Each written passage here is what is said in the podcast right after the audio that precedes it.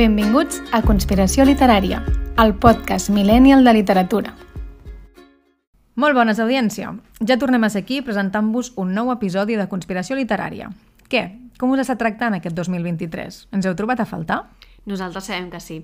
I és normal, perquè l'últim cop que vam gravar feia un fred que pelava. Acabàvem de començar l'any, estàvem plenes de nous propòsits, però ens faltava una mica d'energia. Sí, aquesta energia ens ha arribat just a temps per aquest nou episodi, el número 13. I mireu que us diem que sort que ens ha enganxat plenes d'energia, perquè no us podeu imaginar el que ens ha passat. Ha sigut un dramíssima... Bueno, un, un extra drama. Sí, sí, sí. Diguéssim que ens vam proposar gravar, anàvem on time, tot organitzat, i de sobte la plataforma va decidir boicotejar-nos. Sí, efectivament, doncs um, hi havia trossos de gravacions per aquí, trossos de gravacions per allà, i no ens va sortir el que, el que volíem. Després ens vam adonar que era l'episodi 13 i potser alguna cosa tenia a veure, o potser simplement aquella setmana estàvem fent tot malament i no ho sabíem fer millor.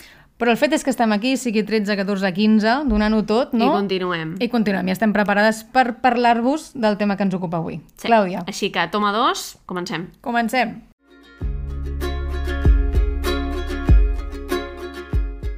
Com bé veureu en el capítol d'aquest episodi, avui parlarem d'un tema bastant candent avui dia.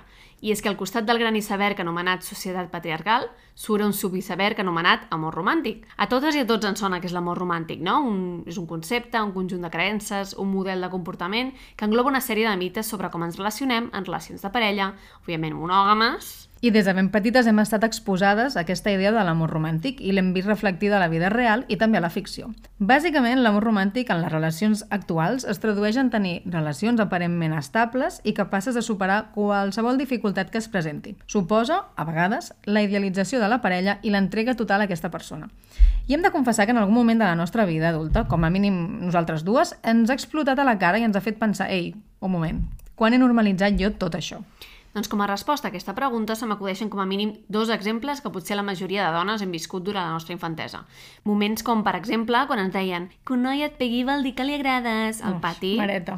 O és que no puc viure sense tu, una frase que aparentment sonava tan maca als llibres de prínceps i princeses, però no tan bé a la vida real. Doncs sí, desgraciadament aquest amor romàntic ha format part de la nostra realitat, especialment la de les dones, durant gran part de la història. És per això que molts dels mites que en deriven encara viuen en l'imaginari de la societat actual. Com a conseqüència, gran part de la literatura el reflecteix, retroalimentant aquesta idea que l'amor, perquè sigui romàntic i valgui la pena, ha de ser tòxic i poc sa. Però atenció, aquesta definició d'amor tòxic no només afecta les relacions entre parelles, també pot estar relacionat amb tot tipus de vincle afectiu, com els lligams amb els familiars o els amics. Exacte. I estic segura que totes aquelles que ens escolteu ja us estan venint a la ment alguns títols que ho exemplifiquen, algunes històries amb les que us heu sentit desgraciadament identificades. Gairebé com una bufetada a la cara que causa dolor i vergonya al mateix temps. Jo he d'admetre, Aina, que quan vaig estar pensant sobre aquest episodi se'm va acudir un títol o potser una saga de títols per encetar-lo. I, òbviament, potser algú ja m'ha llegit la ment, estic parlant de la saga Crepúsculo de Stephanie Meyer. Aquesta saga de quatre llibres d'amor i fantasia, que després va passar a ser una saga de cinc pel·lícules homònimes, va arribar al nostre país per primer cop el 2006, amb la publicació del primer llibre, Crepúsculo. Per a aquelles persones que hagin tingut la sort de no créixer llegint aquesta saga tan problemàtica, tot i que addictiva a l'hora de llegir, els seus llibres giren entorn d'una història d'amor entre un adolescent, la Bella Swan, una noia de 16 anys força introvertida que s'acaba de traslladar a una població muntanyosa de l'estat de Washington, i l'Edward Cullen, un vampir que després de morir amb 18 anys es queda tota la vida amb aquesta edat i que en conseqüència fa aproximadament 100 anys que va a l'institut. M'encanta, 100 anys a l'institut. Avorridíssima. Home, si amb 6 anys ja en tenen prou i de Ja sobres, se sap tots els exàmens. per favor. Aquest amor prohibit entre un vampir i un adolescent es torna més complex quan entra en joc un segon interès amorós per la vela, en Jacob Black, un noi indígena amic de la família Swan que resulta ser un home llop i enemic dels vampirs que viuen en aquesta ciutat fictícia als Estats Units on viuen, anomenada Forks. A mi és que se m'escapa el riure pensant en l'argument d'aquesta saga, sincerament. No vull faltar al respecte a ningú ni que cap oient doncs, se senti ofès, però he de dir que mai, mai, mai, mai vaig poder llegir ni veure cap contingut relacionat amb Crepúsculo. Recordo que la meva germana, que és 6 anys més petita, n'estava completament enganxada. Se'n va llegir els llibres i se'n passava amb moltíssima freqüència a les pel·lícules. I un dia vaig seure amb ella per intentar entendre què era allò tan interessant que la feies tan enganxada a la pantalla i les, la veritat és que jo no vaig aguantar ni 5 minuts. És que normal. Vull dir, vaig dir, prou, s'ha acabat, m'aixeco i me'n vaig. Prou paciència vas tenir. Exacte. Jo com a adolescent de 15 anys ben tendreta, que era el 2007, que va ser quan vaig començar a llegir la saga, un adolescent jo criada en el patriarcat, la submissió i amb una autoestima pel terra, òbviament. De fet, justament en aquella edat m'havia posat lentilles després de portar tota la vida ullera, o sigui Ai. que... Sí. Vaig endrapar la saga tan ràpid com vaig poder. No només això, sinó que també vivia una situació personal que no feia més que retroalimentar les dinàmiques terribles sobre el llibre, que en veus comentaré. I és que en aquell moment jo estava sortint amb un noi més gran que jo, i major d'edat. Jo tenia 15 i ell 18. I clar, sense saber-ho, estava idealitzant, no? L'estava posant en un pedestal i tenir la sensació de oh, què fa un noi com aquest sortint amb una cria com jo, que és precisament la primera dinàmica que veiem també a la saga Crepúsculo. Doncs mira, jo crec que precisament aquesta, per aquesta vessant màgica, no?, o de ficció, o de ciència-ficció, Que no t'agrada tu gens. que no suporto, no vaig ser com incapaç de- d'interessar-me per aquesta saga i potser aquest, aquest punt no, que tu tens de dir, bueno, jo tenia una relació amb un noi de 18 anys i de més, no sé, jo, com que veia vampirs i homes llop, no, que suposadament mm. havien de ser sexis i que en teoria havien de com establir un paral·lelisme amb la meva vida, a mi no em passava. Mm. És vull dir, jo no sé si, si me'n vaig salvar o si no, perquè també vaig tenir relacions així, però no va estar influenciada precisament per Crepúsculo. Bueno, però el patriarcat et va pillar igualment. Exacte, sí. doncs en aquesta saga, anys després d'haver-la consumit, sí que sóc capaç, òbviament, de detectar doncs, certes dinàmiques tòxiques que en aquell moment no només no veia com a negatives, sinó que entenia com a sinònim de demostració d'amor. Ara, afortunadament, anem amb les ulleres eh, liles pel món. Sisplau. No? doncs el, el primer doncs, eh, bueno, doncs, un red flag del, del llibre és que hi ha un control constant i una gelosia molt gran per part de l'Edward vigilant a la, a la vela mentre dorm, és una, de les, és una de les maneres en què la controla, però també durant quan està a l'institut o sempre té l'ull posat cap a la vela. Però que no dorm aquest vampir. No, com és vampir, doncs el, els vampirs de la família aprofiten el seu temps per escoltar música, aprendre idiomes, eh? són, són gent de bé, i com mm. no dormen, doncs aprofiten aquestes, aquestes hores, que també m'anirien a mi ara mateix. T'anava a dir, jo ho estava pensant, dic, m'aniria de bé no, o sigui, no tenir la necessitat biològica, mm, fisiològica de dormir, m'aniria Sí. de conya. No per llegir, eh, per currar la nit, però vaja. Bueno, tant de bo per descansar, no? També, D'alguna manera. també. Doncs sí, sí, la veritat és que l'Edward era, era tot un pieza i, i controlava la vela i, el, i al final es normalitzava, no? Es normalitzava sota un, sota un discurs de ah, és que la vull protegir, perquè clar, és una pobra... També hi ha aquest, aquesta dinàmica de com és una humana Oh, i pobra. no té superpoders com jo, que sóc Clar. un vampir, doncs l'he de protegir, a part que és menor i que és una noia.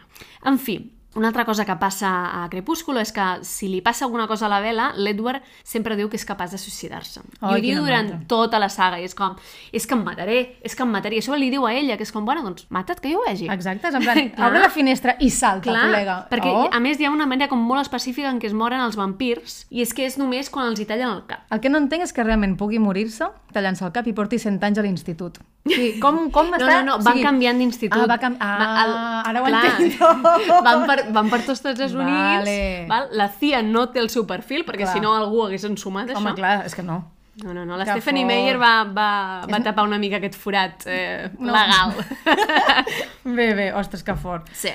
També veiem conductes violentes durant tota la saga, com per exemple doncs, que el- el- l'Edward quan va conduint doncs, accelera molt ràpid per espantar la vela, no? o, o l'abandona un dia enmig del bosc. Tia, Allò- clar, claríssimes declaracions d'amor, vull dir... Sí, però clar, ho vam veure, ho vam veure al cor de la ciutat, Ah. amb la Sandra quan té aquell accident amb la mà. Clar, és que, és- vull dir, clar, sí, és veritat, no eren vampirs ni homes No llop, vampirs, però ei, és una realitat i, i crec No, que no sí, és el sí. primer cop que ho he vist en ficció. quilòmetre zero. Ah. Molt bé. Llavors, hi ha una ocasió també en què l'Edward desapareix a Luna Nueva, que és el segon llibre i la segona pel·li, on la Bella entra en una espiral de depressió perquè no pot viure sense ell. Es passa com 4 o 5 mesos en un estat depressiu i hi ha un constant com de com d'escenes que veus a la que veus a la Bella asseguda a la seva cadira i van passar les estacions i ella està al mateix lloc, amb la mateixa posició i dius, reina, carinyó, No sé. aixeca't, no? Apunta't a un club de lectura, tia. Clar, nosaltres no. Jo què sé. I llavors vale. només es comença a animar una miqueta quan en Jacob, que és el, la tercera persona en discòrdia, agafa més protagonisme i um, doncs es comença a interessar romànticament per la, per la Bella. Llavors, aquesta noia, mm, per desgràcia, no pot viure sense un home. Si una millor un vampir, sempre ha d'haver un home allà mm, com un satèl·lit al seu voltant. I això és bastant problemàtic, també. Home, bàsicament, jo crec que si ara mateix un home o una dona, sigui la nostra parella, sigui el nostre ligue del moment, o, o fins i tot et diré un amic, mm. un friend with benefits, Sí, no? eh? Es comporta d'aquesta manera. Jo no només m'espantaria,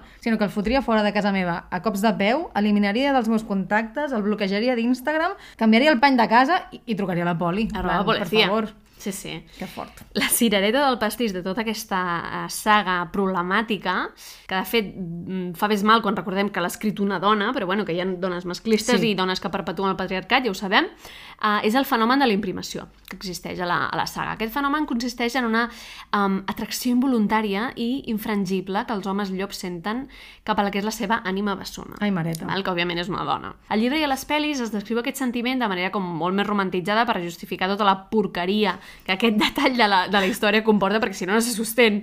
Eh, més concretament, a la pàgina oficial del fandom de Crepúsculo el descriu com un fenomen íntim i profund que existeix entre els homes llop de la tribu Quileute, pels quals la persona a la que s'imprimen es converteix en el seu tot, sentint un gran amor incondicional cap a l'altre. A més, per si no hi hagués prou, afegeixen que la imprimació no té lloc a una edat determinada. Més aviat es dona quan la persona adequada apareix a la vida de l'home llop. M'encanta com eliminen la, la voluntat de la dona, no?, amb aquest, Sí. amb aquest tipus d'estratègia. És a dir, La imprimació és el, és el llop, punt. et veig, m'agrades, ets meva, forever, i m'importa un rave, l'edat que tinguis i el que tu vulguis. I a més de la saga no hi ha cap moment on hi hagi un fenomen d'imprimació que, que no sigui correspost. Llavors, Ah. ben estrany. Ben Ah, estrany. Ah, amiga. Sí, sí, sí. La veritat és que, bueno, en fi, una mica de vergonyeta. I llavors, recapitulant tot el que hem de sentir i analitzar, la saga Crepúsculo ens va endinsar a moltes i a molts adolescents del moment en un fenomen de la cultura pop enorme a nivell mundial, perquè va donar molt fort. I malgrat la vam gaudir a la nostra manera, sense mirar-la gaire amb la lupa de cinc augments que tenim ara, està bé que trobem moments com aquest per a desmitificar-la una mica i veure'n també els aspectes més negatius. Sí, sisplau, que no es torni a repetir. Per favor.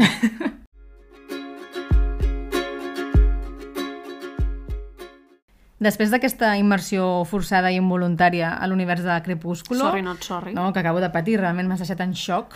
M'agradaria fer un punt i a part, trencar una mica amb tot aquest món fantàstic, perquè la veritat és que jo mai m'hauria imaginat comentant llibres d'aqu- d'aquest tipus, no? ni per voluntat pròpia, i molt menys en un espai com aquest, totalment de nostre albedrío. Així que necessito com recuperar-me una mica d'aquest disgust o entraré en bucle. Sisplau. Per favor. Comença. Aleshores, faig un salt una mica brutal per parlar de Pura Passió de l'Annie Knox. Com veieu, no té res a veure amb Crepúsculo. Uh, L'Annie Knox és aquesta autora francesa que ha guanyat tanta popularitat en els últims 10 anys i que alguns senyoros han convingut a designar com la representant dels o de les millennials més histèriques. I no com a guanyadora del Premi Nobel de Literatura. Ja he avisat que eren senyoros. Podeu fer amb aquesta opinió el que fi. us plagui, bàsicament. Uh, ja en vaig parlar fa alguns capítols i ja vaig reconèixer que després de llegir Pura Passió doncs no, jo encara no he acabat de decidir si la prosa d'Ernox a mi m'agrada o no m'agrada, Mm -hmm. però per sort vostra, com que ja vaig donar la xapa amb aquest tema, avui només em centraré en la relació que, que explica l'autora en aquest llibre. A Pura Passió, Ernox descriu des del punt de vista femení una relació de dependència entre una dona i el seu amant. Aquest és un senyor important del qual l'autora dona pocs detalls perquè segurament es deu haver inspirat en una experiència pròpia, és a dir, el senyor deu haver existit. El que sí que sabem és que és un immigrant i que sembla tenir algun càrrec de responsabilitat. En canvi, la, la, la dona, la professora, és una professional discreta, de classe mitjana i que té una carrera una mica mediocre, no? que no, no ha de desenvolupar ni en la que ha d'invertir gaire temps. Com que són amants, mantenen la seva, la seva relació en secret. Ell la truca des de qualsevol lloc, a qualsevol hora i apareix a casa seva en qualsevol moment, no? trencant el seu ritme vital, la seva independència i, bueno, al cap i a la fi, la seva autonomia.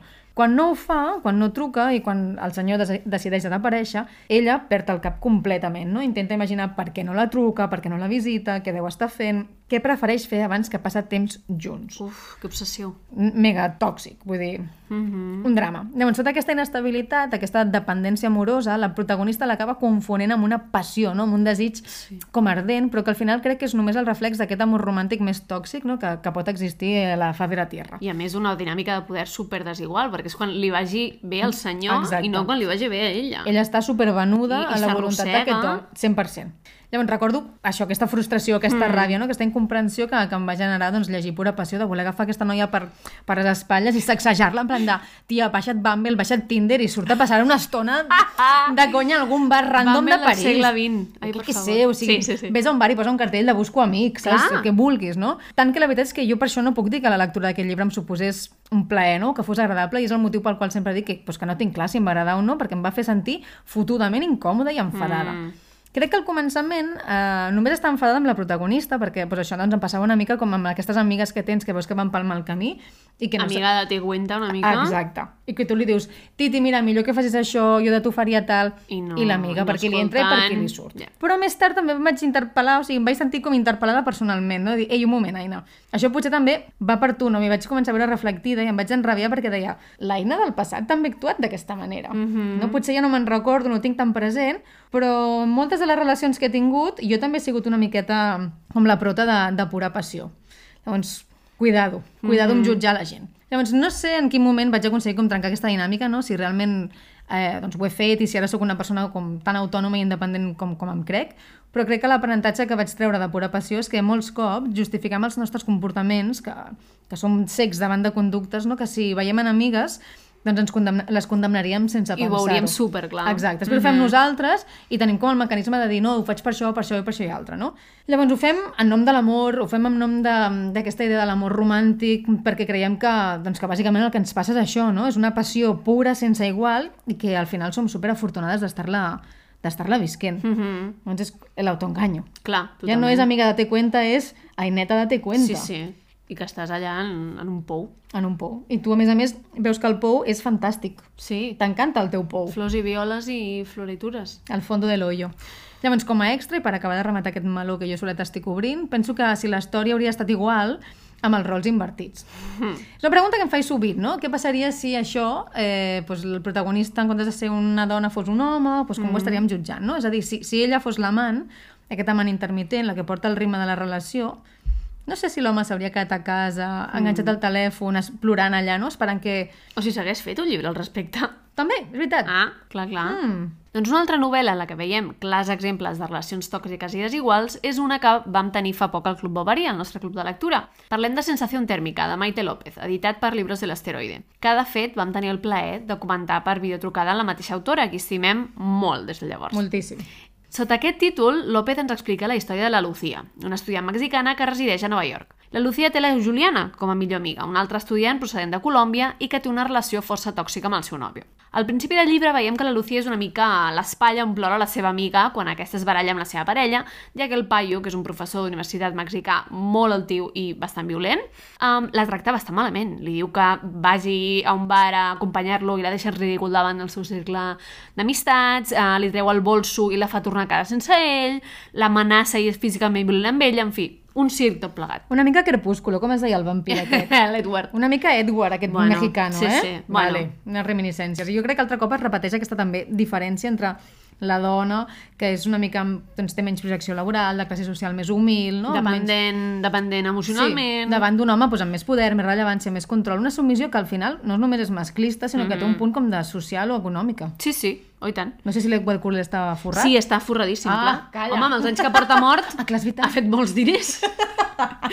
doncs aquests moments de violència mm, física i psicològica de la seva amiga no, fan pensar la protagonista, la Lucía, en els seus propis traumes familiars, ja que la, ella mateixa té el seu propi bagatge en aquest assumpte, no? Tothom té la seva motxileta en aquesta història. Més concretament, doncs, durant la seva vida, la Lucía eh, va ser testimoni víctima de la violència física i psicològica per part del seu pare, l'Álvaro. No només ella, sinó també de la seva pròpia mare, la Dàlia. Sí, jo en aquest sentit, tot i que la història té lloc a Nova York, a mi, de les coses que més em van sobtar, no, és que els dos maltractadors, a més a més, són d'origen mexicà. Mm. És un background que l'autora aconsegueix incorporar d'una manera super original. Doncs sí, perquè aquests moments de records tipus flashback que té la Lucía es van intercalant amb ranxeres mexicanes, així com amb frases en anglès de la psicòloga de Lucía, fent-li preguntes per encoratjar-la a parlar de certs temes, i les ranxeres mexicanes, curiosament, doncs, tenen um, bueno, cites de, de doncs, actituds violentes cap a les dones i, i bueno, mites de l'amor romàntic que, que no tenen cap tipus de sentit posar en una cançó. I que la gent no repeteix de forma inconscient. És a dir, Exacte. han calat en la cultura Ho mexicana. celebrem, ho clar, cantem, no? I ningú es qüestiona res. Exacte. Ai.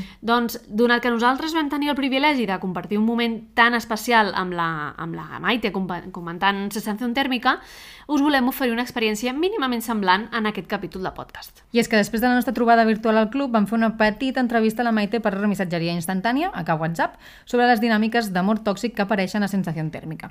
I ella, amb molt de gust, perquè és un encant de persona, ens va passar les respostes eh, per missatges de veu per poder-les introduir en aquest episodi. Aprofitarem per donar-li les gràcies a la Maite, que crec que no ho hem fet prou per, per ajudar-nos i per estar present entre cometes aquí. Gràcies per tu paciència, Maite. Gràcies per ajudar-nos. Eh, la primera pregunta que li van fer és, segons ella, quin tipus de relacions tòxiques podem trobar a la trama de sensació tèrmica. I ens va dir això. Hay varios tipos de relaciones tóxicas que podemos encontrar en la trama de sensación térmica. La primera y la principal es la relación que hay entre Juliana y el profesor. Juliana es la mejor amiga de la protagonista, la protagonista se llama Lucía, y Juliana se involucra con un profesor de la universidad donde eh, las personajes están estudiando. El profesor es 20 años mayor que Juliana, entonces por supuesto hay en primer lugar un desbalance de poder y luego una relación donde el abuso empieza poco a poco, de manera muy sutil. El profesor empieza a denostar a Juliana, a menospreciarla, a hacerla dudar de sí misma. Hay muchísimo maltrato psicológico que Juliana no logra ver porque por supuesto esta relación empieza siendo maravillosa, siendo miel sobre hojuelas y ella está absolutamente enamorada. Entonces cuando los signos de abuso empiezan a ser evidentes para Lucía, ya es demasiado tarde porque Juliana está completamente metida en la trampa. Luego está la relación entre los padres de Lucía, que son Dalia y Álvaro, eh, que es la relación más evidentemente tóxica, la más explícita, porque involucra violencia no solo psicológica, sino violencia física. El padre de Lucía, Álvaro, abusaba del alcohol y tenía completamente sometida a Dalia, a quien maltrataba y golpeaba. Y bueno, obviamente esta dinámica de abuso y de maltrato que existía entre Álvaro y Dalia se traslada también a la relación padre e hija. Eh, Álvaro era también abusivo y dominante con Lucía, eh, es abusivo y dominante con Lucía, y si bien eh, cuando Lucía estaba creciendo la violencia física estaba reservada casi siempre a Dalia, pues Lucía era un poco una extensión de su madre y aprende de su madre una manera de comportarse cuando está Álvaro y de relacionarse con él. Aprende que Álvaro hay que temerle, hay que atenderlo, ¿no? Em, Álvaro, por otro lado, ve en Lucía eh, una mujer, otra mujer, aunque sea una niña, ¿no? Eh, en, la novela aparece la infancia de Lucía, entonces desde la infancia Álvaro ve en Lucía otra figura femenina que está ahí para servirlo, para atenderlo, porque pues eso es lo que le corresponde según la idea de familia que existe en, el imaginario de estos personajes en la infancia de Lucía. Y finalmente está eh, la relación de Lucía y Juliana. Eh, me interesaba mucho explorar la amistad entre mujeres con sus múltiples aristas y aunque eh, estos personajes son salvación y refugio entre ellas, también hay momentos en la novela en los que lo aprendido, en los que la educación sentimental de Juliana y de Lucía se filtra un poco a su relación y las dinámicas se, reproducen en, menor medida, pero se reproducen también eh, las dinámicas eh, tóxicas entre Lucía y Juliana por, momentos, ¿no? Y bueno, por otro lado también eh, estos personajes están en la ciudad un poco a merced, a merced de todo, ¿no? a ratos el propio entorno se vuelve también una relación tóxica, ¿no? las dinámicas en la universidad. Al final esta es una historia de vulnerabilidades porque estas mujeres están lejos de su familia porque no es su primer idioma, eh, porque, digamos, en el caso del profesor, el profesor tiene todo el respaldo de la institución, pero el propio entorno se vuelve también eh, tóxico y, violento, ¿no? Eh, entonces, esa es otra, menos evidente, pero otra, otra relación tóxica que está ahí. Molt interessant les paraules de la Maite. Super. A mi la veritat és que em xoca perquè o sigui, quan vaig anar al club no m'havia acabat de llegir el llibre, uh mhm. -huh. crec que ella em va encoratjar a acabar-lo, i el, després del fet de poder com, parlar amb ella, reflexionar i que ens comentés coses, encara... M'agrada encara més. Sí, i el fet de poder-li preguntar coses per Conspi eh, m'ha fet veure certes, certs detalls que no havia apreciat. No? Per exemple, mm. això que mhm. explica de la, de la Juliana i de la Lucía, que també reprodueixen en la seva relació d'amistat aquesta toxicitat, toxicitat i no me o sigui, no me n'havia donat. Ja. I amb l'entorn tampoc. No, mm -hmm. o sigui, no era conscient que ell havia jugat com el paper de que l'entorn també podia tenir un punt de, sí. de hostil i mm d'agressiu amb elles. Oh, I tant. Sí, recordo, de fet, que hi ha moltes descripcions de la neu, de quan fa molt de fred, mm. de la precarietat, del fred que passen en el, en el pis en el que viuen. És veritat. Sí, i és un entorn hostil, un mes, no? Sí. Un mes, Tot és dins com... de les seves vides. Tot és com molt dur. Sí, sí, sí, és dur. Eh, Jo recomano de, de llegir-lo a trossets, eh? perquè no, no, no és fàcil de llegir, a vegades jo vaig veure parant, però igualment és boníssim, eh? Sí, a mi va costar molt perquè dic, no, no me n'adeixo gens de D'haver-ho fet. d'haver-ho fet. Mm. La pregunta que li van fer després va ser si va haver algun tipus d'intenció no, a l'hora de reflectir aquestes dinàmiques o, o unes altres. I la Maite ens va contestar el següent. La intención de reflejar estas dinámicas y no otras, eh, sí hay algo concreto ahí. Me interesaba sobre todo explorar la relación entre Juliana y el profesor porque es, como decía antes, la, la más sutil, la de violencia más sutil, quiero decir, eh, y por lo tanto la más difícil de detectar a veces, ¿no? Eh, es muy sencillo decir o entender que un golpe, que un insulto son violentos pero mi intención era reflejar precisamente todas las actitudes y las dinámicas que también son violentas, que son igualmente violentas y que sin embargo pasan desapercibidas muchísimas veces en una relación de pareja, ¿no?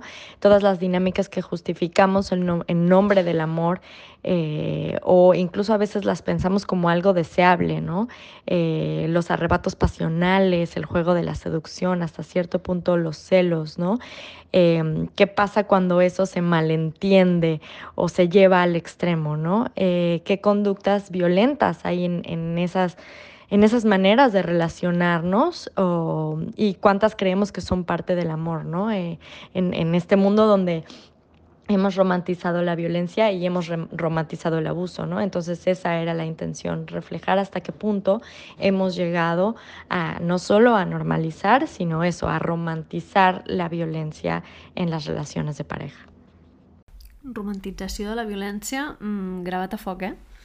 Sí, en part jo crec que també per la indústria, no? Eh, Sí, Cinematogràfica. tant. No tant de literatura en si, és a dir, no tant en llibres, que també, però segurament a la gran pantalla arriba a un públic molt més gran, no? I arriba d'una manera molt més sense esforç, només t'has de seure i mirar. Doncs, Déu-n'hi-do, se m'acudeixen força pel·lícules Sí. en les que hi ha una romantització molt heavy d'aquesta violència. O un simple gest de, de, de ens estem barallant i t'agafo al cap i et dono un petó i ens posem aquí... I passem del, de l'odi, de la Sí. violència, a un amor així desenfrenat que dius, bueno, un moment, pren-te un tranquimacín, Clar, col·lega. pensem-ho, no? És veritat, sí.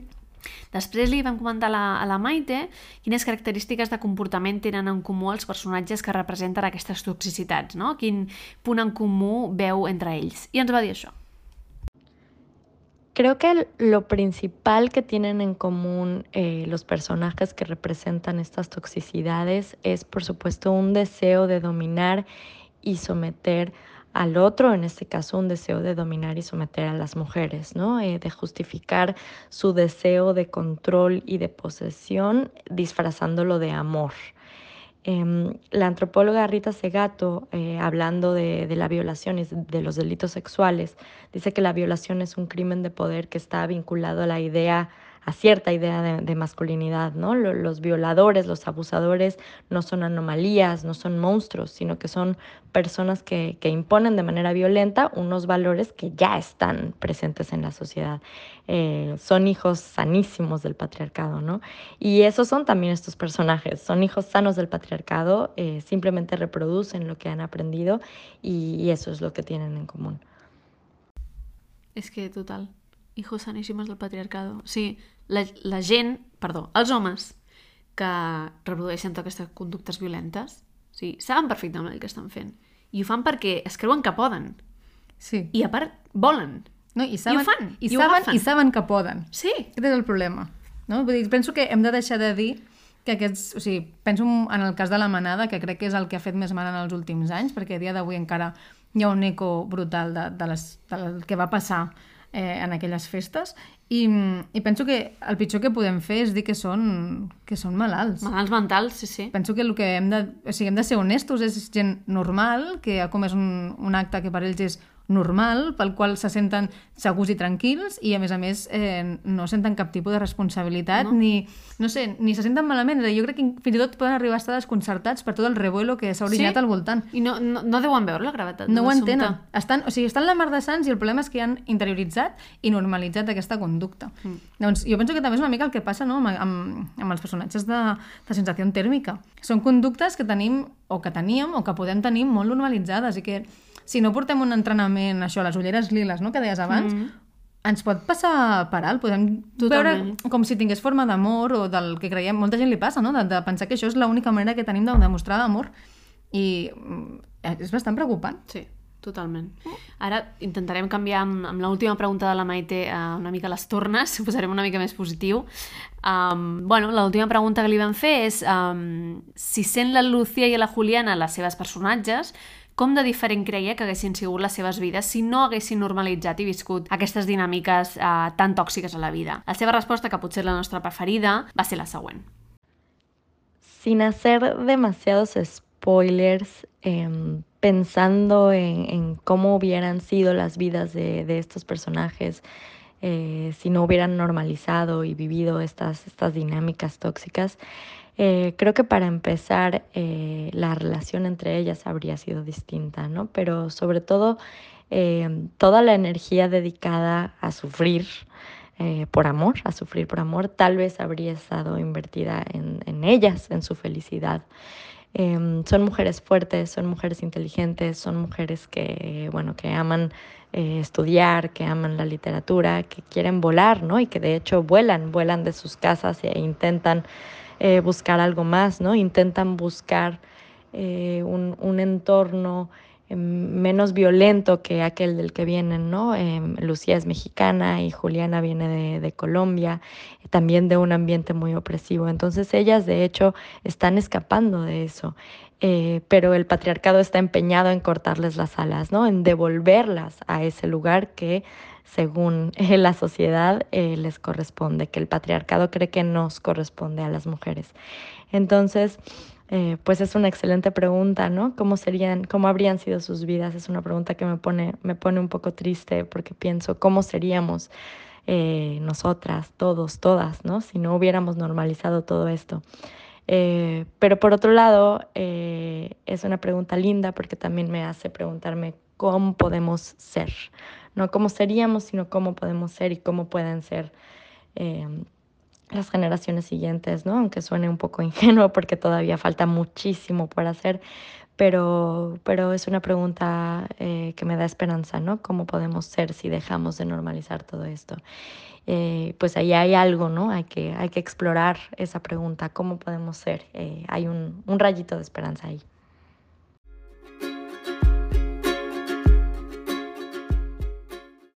Després d'aquesta petita exploració de la literatura llatinoamericana, tornem cap a Europa per analitzar les relacions amoroses que reflecteixen els nostres títols, la nostra producció literària, especialment del gènere millennial, que ja sabeu que és el nostre preferit. Evidentment, no podem no citar, i dic citar perquè la veritat és que jo tampoc em vull endinsar en accés, eh, els vincles tòxics que apareixen a les obres de l'autora millennial més coneguda, no? la, la fantàstica Sally Rooney. Sally Rooney. Vull dir, no podia deixar passar aquesta ocasió, ja ho sabeu. Ja és Vox Populi que, que el meu amor per aquesta escriptura doncs, ha durat fins la seva última obra publicada. El meu primer enamorament va ser en Conversations with Friends, on hi ha relacions tòxiques entre tots els personatges. Sí, són com bales de foc creuades. Hi ha falta de comunicació, hi ha una dependència amorosa molt poc sana, projeccions poc realistes, expectatives bueno, superfantasioses... Alguns crítics volen posar l'èmfasis en la banalitat i la quotidianitat de les relacions que construeix Rooney en aquesta novel·la, així com també doncs, en l'inconformisme dels seus personatges. Però, sincerament, per mi, no són més que vincles derivats d'aquest concepte d'amor romàntic que arrosseguem del segle passat. Tot i això, crec que el cas més flagrant eh, d'aquesta autora és el de Normal People, on la relació entre la Marian i en Connell és un exemple claríssim de com construïm les relacions o de com hem construït les relacions durant molt de temps els millennials avui en dia. Amb aquest parèntesis jo ja deixo un pau eh, Rooney, perquè jo sincerament no vull criticar la seva literatura, ni, ni molt menys, Simplement advertir que per més que la classifiquem de millennial, de reveladora, de trencadora, i per més que les seves històries ens semblin doncs, diferents, molt pròpies de la nostra generació i, i molt properes, crec que no hem de deixar de veure-hi la petjada de l'amor romàntic més tòxic que existeix. Crec que el que no podem fer és llegir Normal People, sentir-nos identificades i alegrar-nos perquè un llibre ens representa o parla de nosaltres, sinó que ens hauria d'explotar el cervell de veure que encaixem en un patró que al final és tan destructiu tan tòxic i tan corrosiu. I en aquest sentit, començar una feina de, de revisió de les nostres relacions ipso facto, o sigui, de forma immediata. Dit això, ja està, me callo. Ja està. No, m'ha agradat molt la teva aportació. Ja no dic res. O sigui, penso que de tant en tant he alguna cosa negativa de Sally Rooney per tenir credibilitat quan dic alguna cosa positiva. Perquè jo, aviam, de, de qui realment volia parlar és de la seva deixeble, que també ha estat anomenada doncs, la seva homòloga sueca, que és Johanna Hetman. Que, de fet, aprofito per dir que la Sally Rooney estarà amb l'Annie Ernaux al proper Charleston Festival d'aquest any 2023, un festival que fan a la zona d'East Sussex, del Regne Unit, que reuneix escriptors, artistes i creadors per xerrar sobre les noves idees de l'art de l'escriptura.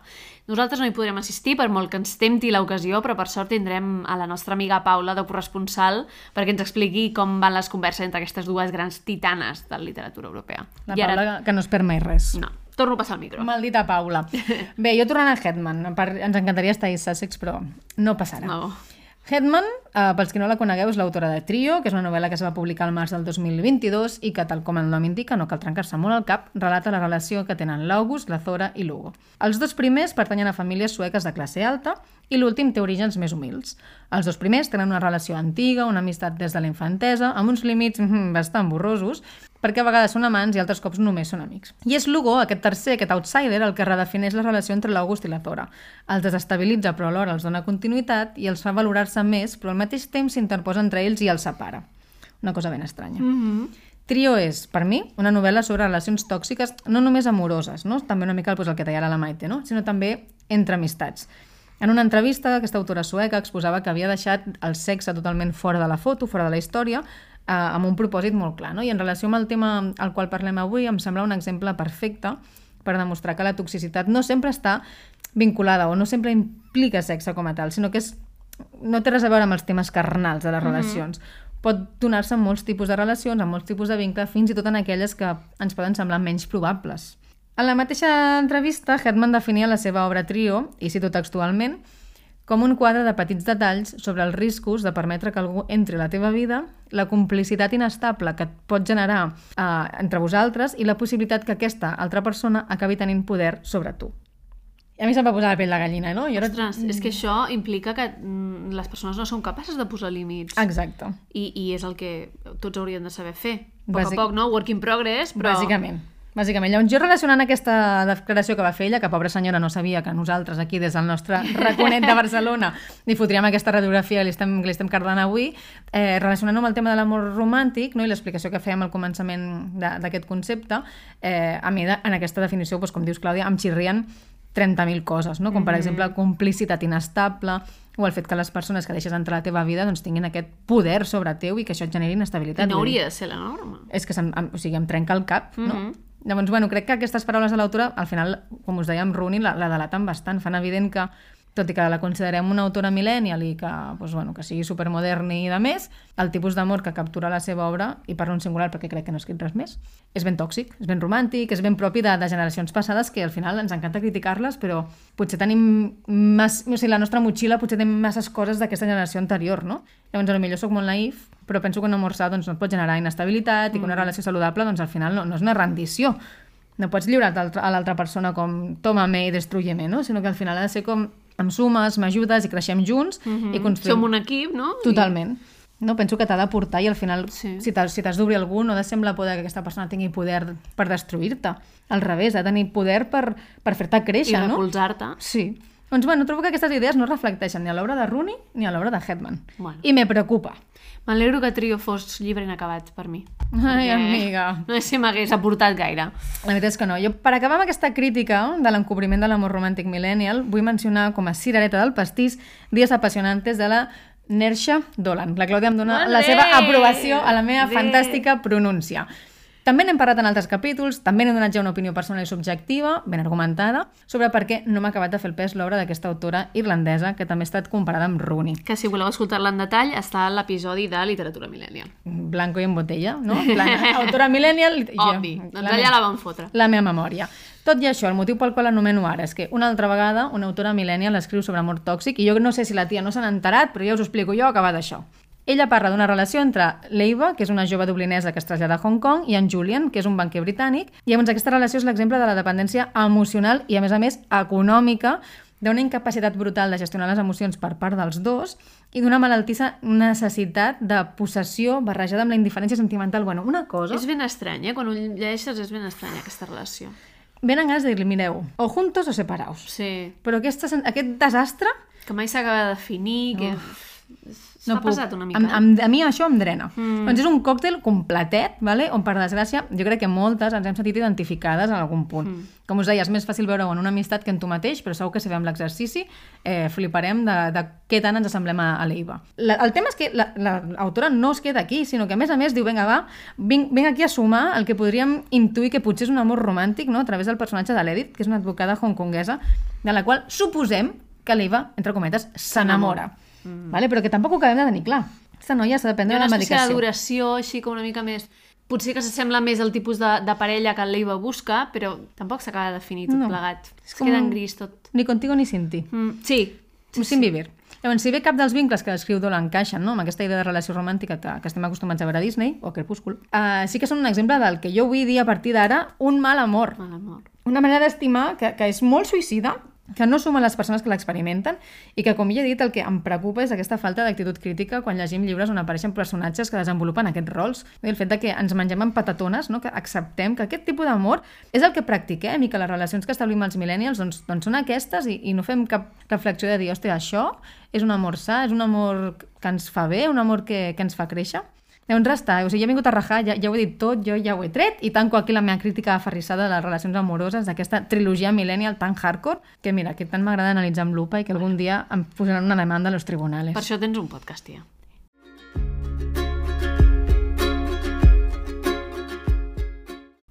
Doncs ara parlaré d'un llibre curtet, ben conegut entre l'audiència castellanoparlant, que va planet planet de dinàmiques sexoafectives la mare tòxiques. Visca. Més concretament, parlo de Un amor de Sara Mesa. Per les persones que no l'hagut llegit, per a bé o per a mal, Un amor és una espècie de drama rural contemporani en el qual la Nati, que és una traductora freelance provinent de la ciutat, es muda a un poble aïllat d'Espanya anomenat l'Escapa.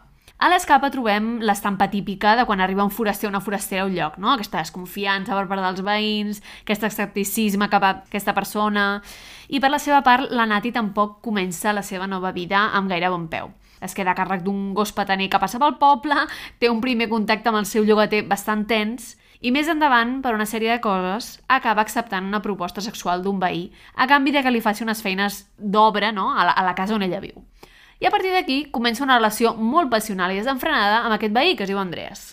Això només passa als pobles de, de por ahí. O sigui, a mi el meu veí Sí. del davant em diu que si li arreglo la manguera i Què, em fa... el- botó? No. No sé, Lo siento, eh? però aquí no és. Doncs a l'escapa sí. De fet, el llibre es diu Un amor, però d'amor n'hi ha més ben poc, o almenys el que en tinc jo, no?, per amor. Del que n'està ple és d'angoixa i desesperació, ja us avanço. En resum, no és un llibre per tots els moments, per com d'incòmode et fa sentir en, aquests, en aquestes, bueno, algunes parts, no?, i sort que és curt, la veritat. També el que passa és que els personatges principals no és que siguin gaire agradables, tot el contrari, són insuportables els dos i cadascú mm, pels seus respectius motius, perquè són ben diferents. Però tampoc és el que busca Sara Mesa, que agradar, no?, a través dels personatges. Vull passar ara a la teca d'aquest llibre en si. Analitzant en profunditat un amor, crec que podem trobar dos mites de l'amor romàntic ben concrets. Un, i crec que és el més important, és el de la construcció artificial del desig. De com ens han educat, per exemple, a trobar-nos amb persones que ens provoquen rebuig i fàstic, però que la vida, algunes vegades, doncs, aquest rebuig es transforma en desig. Jo, per exemple, m'he trobat en, en moments no?, en què m'he fixat en algú que odiava per coses que m'havia fet, concretament estic pensant d'un capítol um, de la meva vida universitària, però un dia em vaig trobar somiant que besava aquesta persona i és com, però si jo l'odio, què coi estic fent basant en somnis? Què coi està passant pel meu cap? I pel molt tèrbol que soni això, perquè aquí entren com temes importants com són el consentiment i la difusió entre el sí i el no, que és bastant túrbia, doncs m'ha passat. M'ha passat. Jo he viscut aquesta dualitat entre l'odi i el desig amb, amb persones del meu passat. Que, de fet, portant-ho més al nivell literari, eh, hi ha tot un nínxol de literatura juvenil que es diu From Enemies to Lovers, d'enemics amants. És super cliché. Jo des que ho vam parlar he reflexionat molt Sí? i t'he de dir que m'he donat que també m'ha passat. És que és fort. No tant amb una, amb una persona que considerava enemiga, però sí amb algú que em, que em, em semblava disgusting. És a dir, que em provocava una sensació incòmoda, que no sabia per què, però em molestava Sí. la seva presència. Doncs pues, vaig tenir un somni ben picantó amb aquesta Hòstia, persona. I de dir, un moment, Clar. si a mi aquesta persona em, em fa, dir, em regirar l'estómac. Que és aquesta frase de, de l'amor a l'odi i un passo, no? Pues quina por, nen. Que Sí, Quina sí. por. Doncs bé, bàsicament això és el que passa, no? Un amor, la Nati coneix a l'Andreas, que al poble li diuen el alemany, i per força de veure'l pel poble i per coses que passen, començarà a construir-se un desig l'un per l'altre. El que és curiós és que l'Andreas és un home bastant passiu, bastant callat, no té res ni d'heroi ni de carismàtic, és un tio la mare normal, que tampoc com- comparteix cap afició amb la Nat, de fet no parlen gaire, simplement s'atrauen i estones doncs, es fan companyia l'un a l'altre, no? però que no, no s'aporten, són persones com bastant Paral·leles, no? Sí, sí, bueno, sí. Culi. Aleshores, sense voler entrar gaire en matèria del llibre, vull llegir un petit fragment que sincerament crec que encapsula molt bé no només la dinàmica que tenen l'Andreas i la Nati, sinó també un segon gran mite de l'amor romàntic que trobeu en l'amor. I és precisament el romanticisme ensucrat, l'ingredient que esperem que hi hagi sempre en una relació sexoafectiva, però que una parella de la novel·la doncs, brilla per la seva absència. De què parlo quan dic romanticisme ensucrat? Doncs que hi hagi una història maca de com els dos es van conèixer, no? una història de flors i violes, o que l'altra persona s'hagi enamorat perdudament de l'altra i no pugui menjar, pixar o dormir sense pensar un segon en ella. No, no, no tinc gana. Estic pensant en No ella. puc fer pipi. Eh. Que aviam, al final, és que és el que hem vist a Disney i a molts dels Sí. contes dels quals hem crescut, no? 200%. Llavors, de vegades, si aquestes coses no passen quan han de passar o quan volem que passin, ens descol·loca, no?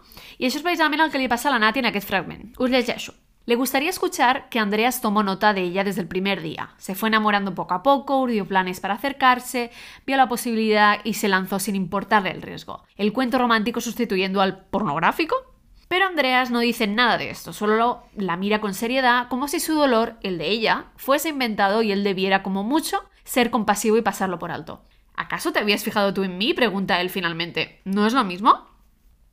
Sumat a això, la novel·la té molt de psicològica i fa que sigui gairebé una experiència immersiva dins del cap de la Nati, però on passen merdes com a pianos sobre tot el que pensa. I a més que és constant, eh? És una mica... Em recorda mm, el llibre de l'Elisa Levy. Ah, mm, Jo no sé d'altres coses. ah, això. Oh! Quin moment més Que temps! fort! I mira que ens va agradar Ens les dues, encanta. eh? Doncs uh, també hi ha una mica d'això, no? En- en- Hi ha, de fet, en un fragment on ella se sent com molt superior a ell, cosa que també és bastant lleig, no? En un fragment del llibre diu la inexperiencia de él la engrandecía a ella, la hacía poderosa. La carencia de él era para ella su riqueza. Bueno, bueno, un moment. A mi això ja, vull dir, ja em sembla bé, no? Però, però és tòxic també, perquè estàs... De la mateixa manera que sabem Sí, clar, que clar. hi ha dinàmiques de poder tòxiques, doncs que una estigui per sobre de l'altra, com la engrandecía. Normalment sí que és veritat que veiem a homes engrandecidos. Clar, és a dir, com que sempre comptes veiem amb tios, jo penso que el veure una tia també ha d'estar... O sigui... Mm, Sí, pequem de la doble moral. Sí. Està clar. Ens ha de, o sigui, també ens ha d'estar bé. I al final també penso que en les relacions, eh, sempre que hi hagi consentiment, eh, que sigui sa, Sí. i que hi hagi... Ojo, cuidado amb Però tu estàs de parlant poder. de l'àmbit sexual. Tu estàs parlant Ens de l'àmbit sexual i és una altra cosa. No, però sí, o sigui, aquí, eh, en aquesta cita, precisament estem parlant de que la Nati en algun moment se sent superior A nivell intel·lectual, a nivell intel·lectual i a nivell doncs, doncs, de tot plegat, perquè és una persona amb estudis, és traductora, i Pues ell no. doncs, és constructor. Pues llavors ho sento, carinyo no. Clar, clar, clar, vull dir, Carinyo no. toxicitat, aquesta és la toxicitat, Clar, és a dir, no? si te sents superior perquè et sembla que la teva parella és tonta o és justeta... Ah, mm, ben lleig. Lleig, No, tens no. raó, Clàudia. En fi, com a conclusió he de dir que a mi Un amor de Sara Mesa em va agradar moltíssim. És un llibre desagradable, cru i molt incòmode. Si sóc fan de Terres Mortes, com no m'ha d'agradar però un que a amor? mi em agrada moltíssim i és un llibre desagradable. A mi m'explota el cap. Però és que és veritat. Mm? D'acord. Home. ah? No? És, és molt cru, molt incòmode, on apareix doncs, la desesperació humana en un poble opressiu, on la s'hi ofegada des del dia 1, que és com... És, és tan constant doncs, vigilant-la i tot plegat, i, i notes com aquest, aquests ulls sobre teu, no? De fet, la crítica de Goodreads que vaig llegir deia que la història d'un amor tenia bastant de tragèdia grega i la veritat és que sí estic força d'acord. Ja m'ho confirmareu vosaltres si al final llegiu. Però ja, és com molt de drama. Tragèdia grega, la meseta castellana. Exacte. Me explota la cabeza. Quilòmetre zero, com deies abans.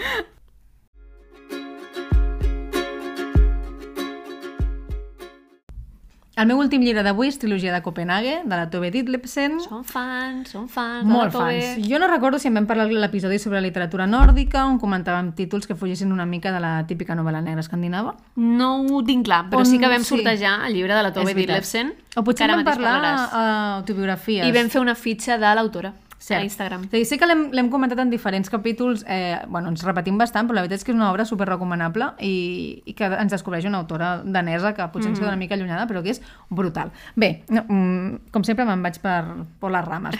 La qüestió és que repassant aquelles lectures que havíem fet on ens apareguessin relacions tòxiques, em va venir al cap de seguida la, la vida de la Tove. Evidentment, la seva autobiografia és molt, molt completa i no només parla de les seves relacions amoroses, però crec que a les dues ens va cridar molt l'atenció aquesta facilitat que tenia per establir vincles destructors amb els homes. Sí, eh? Era I una a més constant. Tota l'estona, una kamikaze, no parava. Pels que no conegueu la Tove Ditlevsen, és una de les escriptores daneses més importants del segle passat i va tenir, a part d'una producció literària bastant interessant, una vida amorosa força complicada. Va publicar una trentena de llibres i es va divorciar fins a quatre vegades. Mandríssima. Eh, no sé quina relació hi ha entre el 30 i el 40, però vull dir, em sembla com dos números màgics. En plan, entre que es va divorciar quatre vegades, la tia va poder escriure 30 llibres. Ojo, cuidao amb aquesta Sí. senyora. Llavors, començo ja amb la meva secció de el, el Hola, el que me dices, versió conspi, ¿vale? El meu, el, anava a dir el meu primer matrimoni. No, el seu primer matrimoni, un respecte, va ser amb un editor, en Viggo Moller, molt més gran que ella. Fastigoset, eh? Fastigós. Aquest home... És el fastigoset. És que aquest Mari senyor venia a vomitar. O sigui, ho explicava i deia, sisplau, Tove, para allà. Ja. Aquest home, que exercia un rol de mecenes amb derecho a roce, que és un Mm. concepte que m'he inventat per aquest capítol i que m'agradaria patentar, vull, trucaré a la RAE, la va assessorar per publicar el seu primer llibre, no? el seu primer poemari. Li va obrir les portes a tots els cercles acadèmics pels quals ella, per la seva condició social, per fet de ser dona, bla, bla, bla, no hagués tingut mai accés. Evidentment, aquesta relació no va durar gaire, era insostenible, Però mira, si el va exprimir al màxim per arribar on va arribar, mira, ve per la Tove, saps? Tove, 10 punts. Jo et felicito. Llavors l'escriptora va començar un afer, un rotllete, vale, amb un altre poeta, en Piet Hein. Ella mateixa a les seves memòries reconeixia que havia utilitzat el seu primer marit per poder sortir-se dins del món literari. Per I tant, aquí ho celebrem. no et jutgem, Tove, mm, molt bé. Ja et dic, 10 points for, for Eslovènia, no? Sí. Ja està, res més. Llavors, la seva segona relació, que va ser amb aquest poeta, en Hein, tampoc va, va ser un exemple d'amor sa i equilibrat, perquè després de patir una crisi nerviosa, aquest la va abandonar per una altra dona. Mm. Un tio molt simpàtic. Mm, Sí. Poc després, la Tove es va casar amb Eve Monk, amb qui va tenir una filla. Tot i això, la falta de comunicació entre ells, les complicacions de la maternitat i altres aspectes van posar fi a aquesta relació al cap de pocs anys. Al cap d'un temps força breu, la Tove es va casar amb en Carl Theodor River, que era... Ojo. Ojo. Ojo. Era el metge que li va practicar l'avortament del seu segon fill, en Monk, amb el seu marit anterior, i que li va subministrar per primer cop un narcòtic analgèsic, un medicament al qual es va tornar addicte.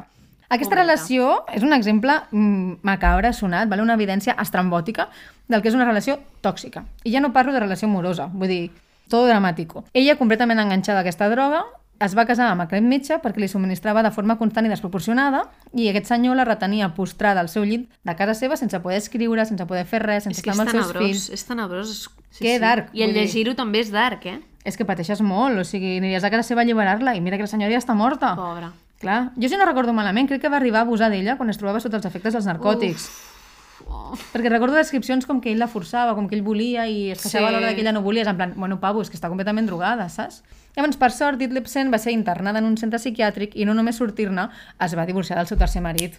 No Molt va bé. perdre el temps. És que ara ja també t'he dit que per acabar tota aquesta trama d'amors, desamors, drogues, psiquiàtrics i de més, l'escriptora danesa va i se'ns casa amb un polític, Víctor Johannes Andreasen, de qui es va separar 12 anys més tard.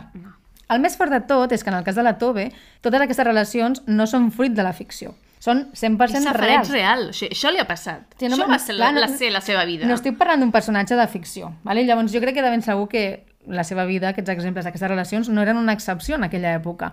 És veritat que l'autora tenia fama de ser superimpulsiva, de no pensar gaire en les conseqüències de les seves accions, ni tampoc de les seves relacions, especialment amb els senyoros, però tot i així, les seves experiències jo crec que ens mostren uns homes amb una voluntat de dominar, d'anul·lar, d'aniquilar socialment les seves parelles, de recloure-les i al final també doncs, això d'aïllar-les, no? En alguns moments la Tove va tenir sort i també recursos per poder sortir-se'n, però penso que segur que hi ha altres dones de la seva generació i de la nostra, de la vida actual, que van viure i viuen situacions semblants i que no són ni tan autònomes ni tan resolutives, no? ni, ni veuen un futur a l'hora de poder sortir de la situació en la que estan. I és molt heavy. Mm Llavors, he de confessar, com passa cada capítol, perquè això ja sembla un confessionari en comptes d'un podcast, que no sé si hagués aguantat tota aquesta tralla tòxica en una història de ficció. T'hagués entrat diferent, creus? Sí, Sí, no sé si m'hagués semblat per semblant o si senzillament doncs, no, no m'hagués interessat. No sé si és perquè sóc mm, 200% morbosa amb la penya que va viure eh, realment o perquè m'agrada el salseo, que saber que va ser real va despertar un interès genuí en la meva persona i un nivell d'anàlisi que bueno, jo no havia vist mai. Mm -hmm. És a dir, em vaig volcar en el llibre. Ara em dius que això és un personatge inventat i no m'ho crec. Ja. També el llibre és que està increïblement escrit Sí. i, i no et pot no agradar. Però costa, eh? o sigui, penses, tia, com Sí. pots tenir tan, o sigui, tan mal ull i tan... no sé. Bueno, també veus aquesta impulsivitat de la Tove durant, durant, tot el, durant tot el llibre. Recordo en el moment en què ella viu en la contradicció de ser una mare modèlica, no? viure en la seva família tradicional, però també doncs, es vol fotre una habitació i, i escriure durant dues setmanes i mitja i oblidar-se de tot. Llavors, bueno, són contradiccions en potes, però jo crec Sí. que a dia d'avui també som així. Sí. I no passa res, som humans. 200%.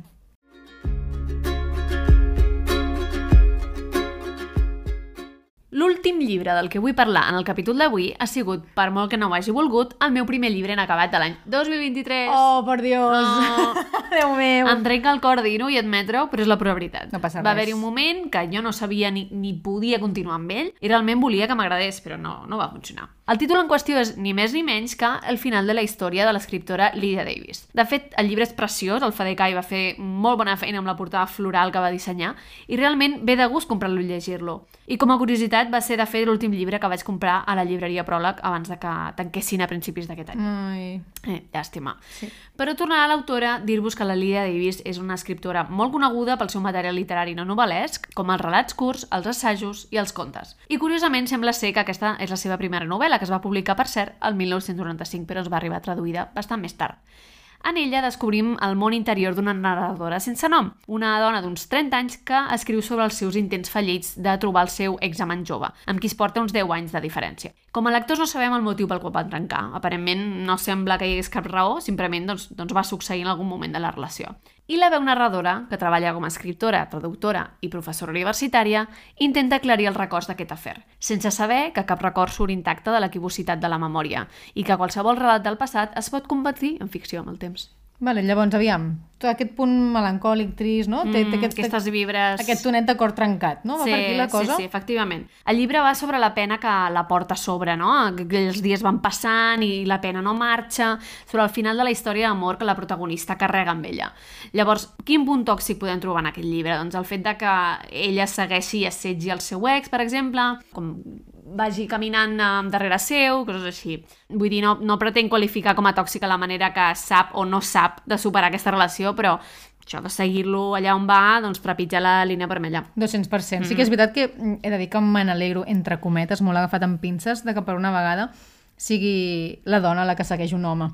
Crec que... Dona gran amb home jove. Vaja, vaja. Crec que és com una casuística que es dona poques vegades a la Sí, sí, literatura. sí. Però tot i això, i malgrat sigui original, és una lectura bastant estranya, no us negaré. A mi m'hi va costar d'entrar i potser per això també no el vaig acabar de, de, de, bueno, de- d'encaixar, no? No hi, ha, no hi havia ni diàlegs ni desenvolupament del personatge, la trama no és que agafi impuls en algun moment, em va semblar monòtona i sense que hi hagués com esperança de que en algun moment doncs, canviessin les tornes a la vida de la protagonista i doncs, fes alguna cosa al respecte, no? No sé, no vaig entendre el per què de, ni el què de la novel·la. I potser era totalment intencionat, eh? El tenir una narradora que simplement doncs, va errant en pena sense tenir cap destinació, però vaja, que va ser confós i a mi em va saber greu que no anés d'una altra manera. També és ben tòxic, no? Això de quedar-te com enquistat en una relació Com que... un fantasma allà surant. Sí, això, supera-ho tu, no sé. Sí. Sí. Vés-te'n a Mykonos i fe, fotut una festa. Com Razayama, no? Fes un Ai, com sí. Razayama a la vida. Ara ens iria bé a Roma a menjar pasta fins a rebentar. Ai, bueno.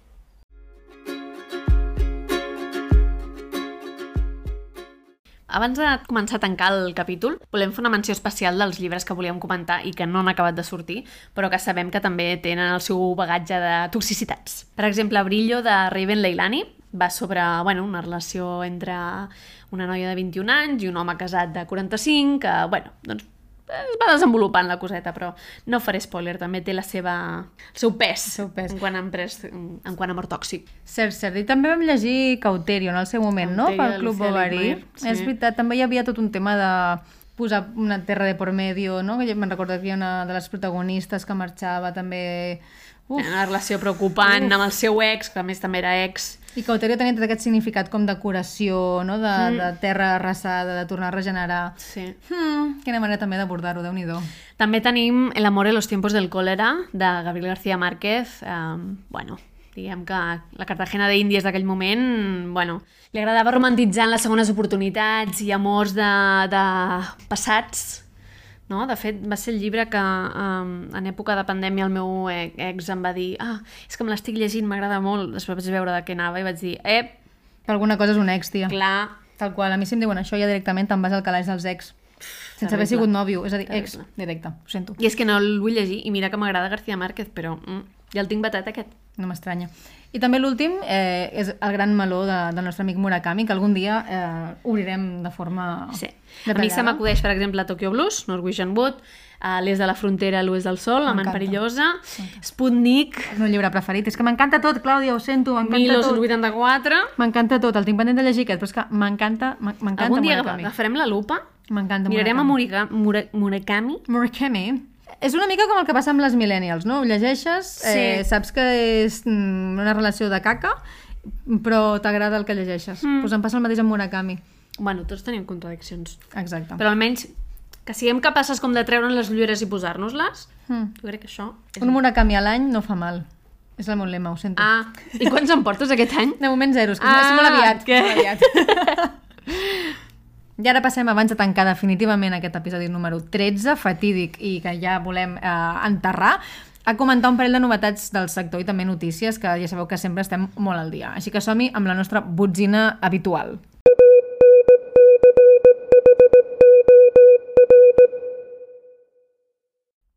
Vinga, Clàudia, què ens portes avui com a novetat? Explica'ns. Jo avui vinc a parlar d'una novetat de finals de febrer, que a menys que hagueu viscut sota una pedra i allunyades a les xarxes socials literàries locals en l'últim mes, no us sonarà gens desconeguda. Parlo de la traducció del nou llibre de l'escriptora nord-americana Gabriel Zevin, al català i castellà, Demà i demà i demà, publicat per edicions de Periscopi, i com a Mañana i Mañana i Mañana per Aliança de Novel·les, respectivament. Llibre al qual unes companyes del Boverí i jo vam atendre la seva presentació el passat dimarts 14 de març a la llibreria Libri de Barcelona. Sí, ho vaig veure, el llibre, no sé, aviam, a mi la portada, evidentment, em pirra, m'encanta, Sí. brilli, brilli, eh, cosetes platejades. Mm, com va anar? Perquè la veritat és que tampoc no... Va anar molt guai, va anar molt guai. De, de fet, hi estava la, la Berta de Tardeo, que és la, que, la col·laboradora que parla de llibres a, al podcast de Ràdio Primavera Sound, i va dir que mai havia vist una presentació de llibre amb tanta gent. Mm. Potser estem parlant de 105-110 persones. Podem dir definitivament que la portada influeix en l'acceptació del llibre? Sí, però és que aquest llibre és una joia, eh? Vale. No estem parlant d'un d'un On ets bon bonic, en No, anglès, no vull vale? edició Faber Books. No vull frivolitzar, Val. perdoneu. Llavors, es parlarà una mica de demà i demà i demà. El llibre parla d'una amistat entre dos dissenyadors de videojocs, la Sadie i en Sam, al llarg de 20 o 30 anys de la seva vida. Els dos venen d'entorns familiars i de classe diferents, i part de la història va precisament de com aquests condicionants els fan prendre certes decisions a la vida, o abordar les coses d'una manera o d'una altra. En aquesta dinàmica també està inclòs l'antic company de pis i el millor amic d'en Sam, en Marx, que acaba de completar aquesta tríada que amb el temps passen de ser doncs, amics a companys de feina dins de la indústria de videojocs. No desvetllaré més sobre la trama perquè crec que aquest llibre sempre es gaudeix més si no te'n diuen gaire i el vas descobrint doncs, per tu mateixa, a poc a poc. Però malgrat el cor et digui, uf, és que jo de videojocs no en sé gaire o no m'agrada o és que històries d'amor doncs, no em van, jo de veritat us encoratjo a que sortiu d'aquests prejudicis i el llegiu. Aquest llibre no està fet per amants dels videojocs o per gent que llegeix literatura infantil i juvenil.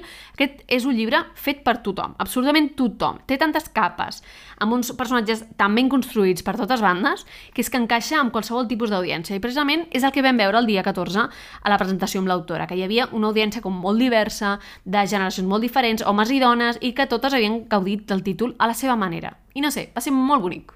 Que bé, que hi hagi mm. com... em- Que em sembla novedós el tema. O sí. sigui, l'ente- com el background, no? Tot el, el lloc on es desenvolupa l'acció. Penso que està bé que de, de tant en tant tinguem històries que passen en entorns reals, Sí. propers.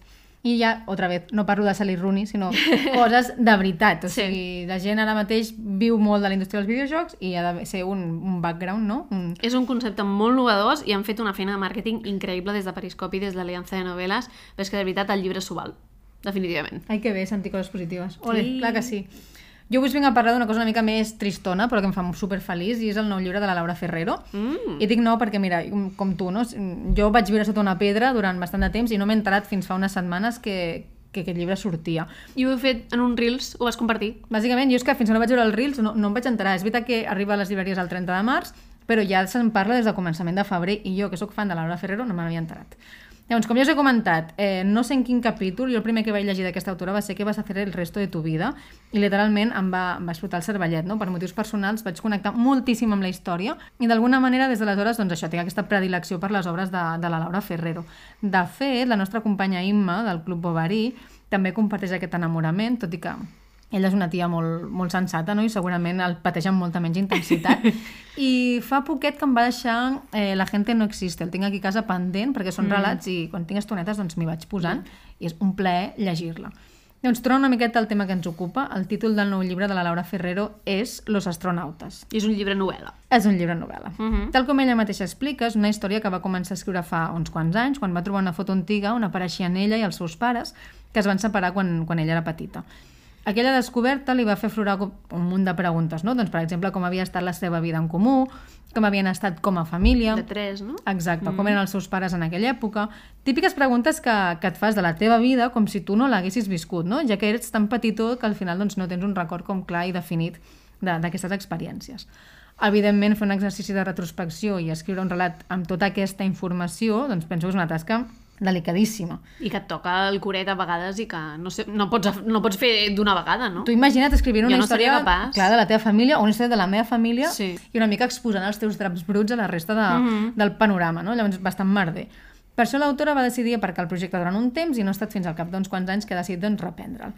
I com que els drames familiars de conspiració literària ens agraden poc, Sí. jo crec que les dues ens morim de ganes de, de poder devorar aquesta exploració de l'espai familiar doncs, més íntim i, i més punyent de, de l'autora. Doncs aviam si m'estrenaré... T'anava a dir, no, tu t'has estrenat amb la Laura Ferrero? No, no, encara no. Em Mare vaig quedar meva. amb, amb Què quieres hacer con el resto de tu vida de, des, del, des de l'episodi que el vam mencionar, però encara no he tingut ocasió. Gravíssim, gravíssim, gravíssim, bueno, gravíssim. a la llista de Sant Jordi. És el moment. Perfecte. I per últim volem donar les gràcies a l'editorial Raig Verd i a la Sandra Balaguer per enviar-nos uns títols molt especials aquest mes de març. Segurament ja us soni Raig Verd a moltes i a tots, és un segell editorial molt conegut que publica en català i castellà llibres com Sexe fora de norma, que vam llegir de fet amb el Club de Lectura, i títols tan coneguts com Ensenyar pensament crític, de la gran Bell Hooks, o les edicions en català de la saga de les estacions de l'Smith, d'hivern, estiu, primavera i tardor. Ben cert, ben bonics, ben bonics, Ah. m'encanten. Sí. Els tres llibres que ens han fet arribar són La guerra no té cara de dona, de Svetlana Alexievich, Sonka, d'Ignasi Karpovits i Descolonitzant a ment, d'en Yugi Wationgo. De moment he començat a llegir el primer i per ara m'està agradant molt. La guerra no té cara de dona són una sèrie de reculls de veus no? de dones de països de l'est d'Europa que van haver de participar activament a la lluita armada de la Segona Guerra Mundial, formant part del bloc soviètic, òbviament. I a través d'aquest títol, l'Alexievich pretén incorporar la feina i l'experiència de les dones a la memòria col·lectiva del que va ser aquest conflicte bèl·lic tan important de la història mundial. Un conflicte que, pel que sabem totes, en sabem quins van ser els protagonistes, però no qui van ser les protagonistes. I moltes vegades aquí tenim tendència a centrar-nos més en l'altre bloc, no tant en el bloc Exacte. soviètic, no? com que era l'enemic, crec que el tenim una mica... Demonitzat. I deshumanitzat, fins Sí. i tot. No ens imaginem que allà hi havia també gent com nosaltres. Que passava coses i que patia. Exacte. Mm. Doncs, doncs és un títol superinteressant, per ara m'està agradant molt. Doncs jo el vull, quan l'acabis ja pots rolar cap aquí, Oh, tant. perquè això m'interessa. Aquests llibres comparteixen, o sigui Tinc que... moltes ganes de llegir-me i a més aquesta autora va visitar Barcelona no fa gaire i Ah, sí? crec que sí, si no recordo malament, igual em falla la memòria. I crec que també va haver-hi molt de revuelo. Sí, va ser Premi Nobel de Literatura 2015. Doncs crec que, no sé si al cap de poc o Mm. no, no em facis dir la data, va venir a Barcelona i vaig llegir que havia sigut tot un èxit. Perfecte, doncs molt bé.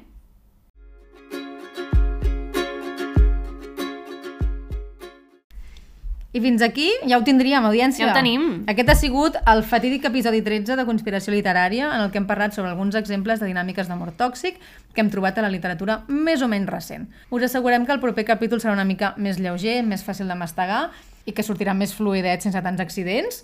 Tot i així, esperem que us hagi agradat, que gaudiu i bueno, que el pugueu escoltar a qualsevol lloc, en qualsevol moment Mm -hmm. i sempre ben acompanyats. Si voleu seguir comentant els safarejos amorosos que hi ha als llibres, ens teniu no només els missatges privats d'Instagram, sinó també a Twitter. Ara ja estem a Twitter. Ojo, Ostres! eh? Estem a arroba conspiliterària. I per tot els que ho passi pel cap, realment, mm, ja sabeu que a nosaltres ens agrada xerrar, o sigui que ens teniu tant a Instagram com a Twitter ara. Ens tornem a trobar en poc més d'un mes per un proper episodi de Conspiració Literària, que no desvetllarem de què va, perquè això dels spoilers no ens agraden, així que ja sabeu, llegiu, cuideu-vos, sigueu bons i bones, I a conspirar! I us recordem que podeu seguir-nos a través d'Instagram o bé us podeu subscriure a la nostra newsletter. Us esperem en el proper episodi. Fins aviat!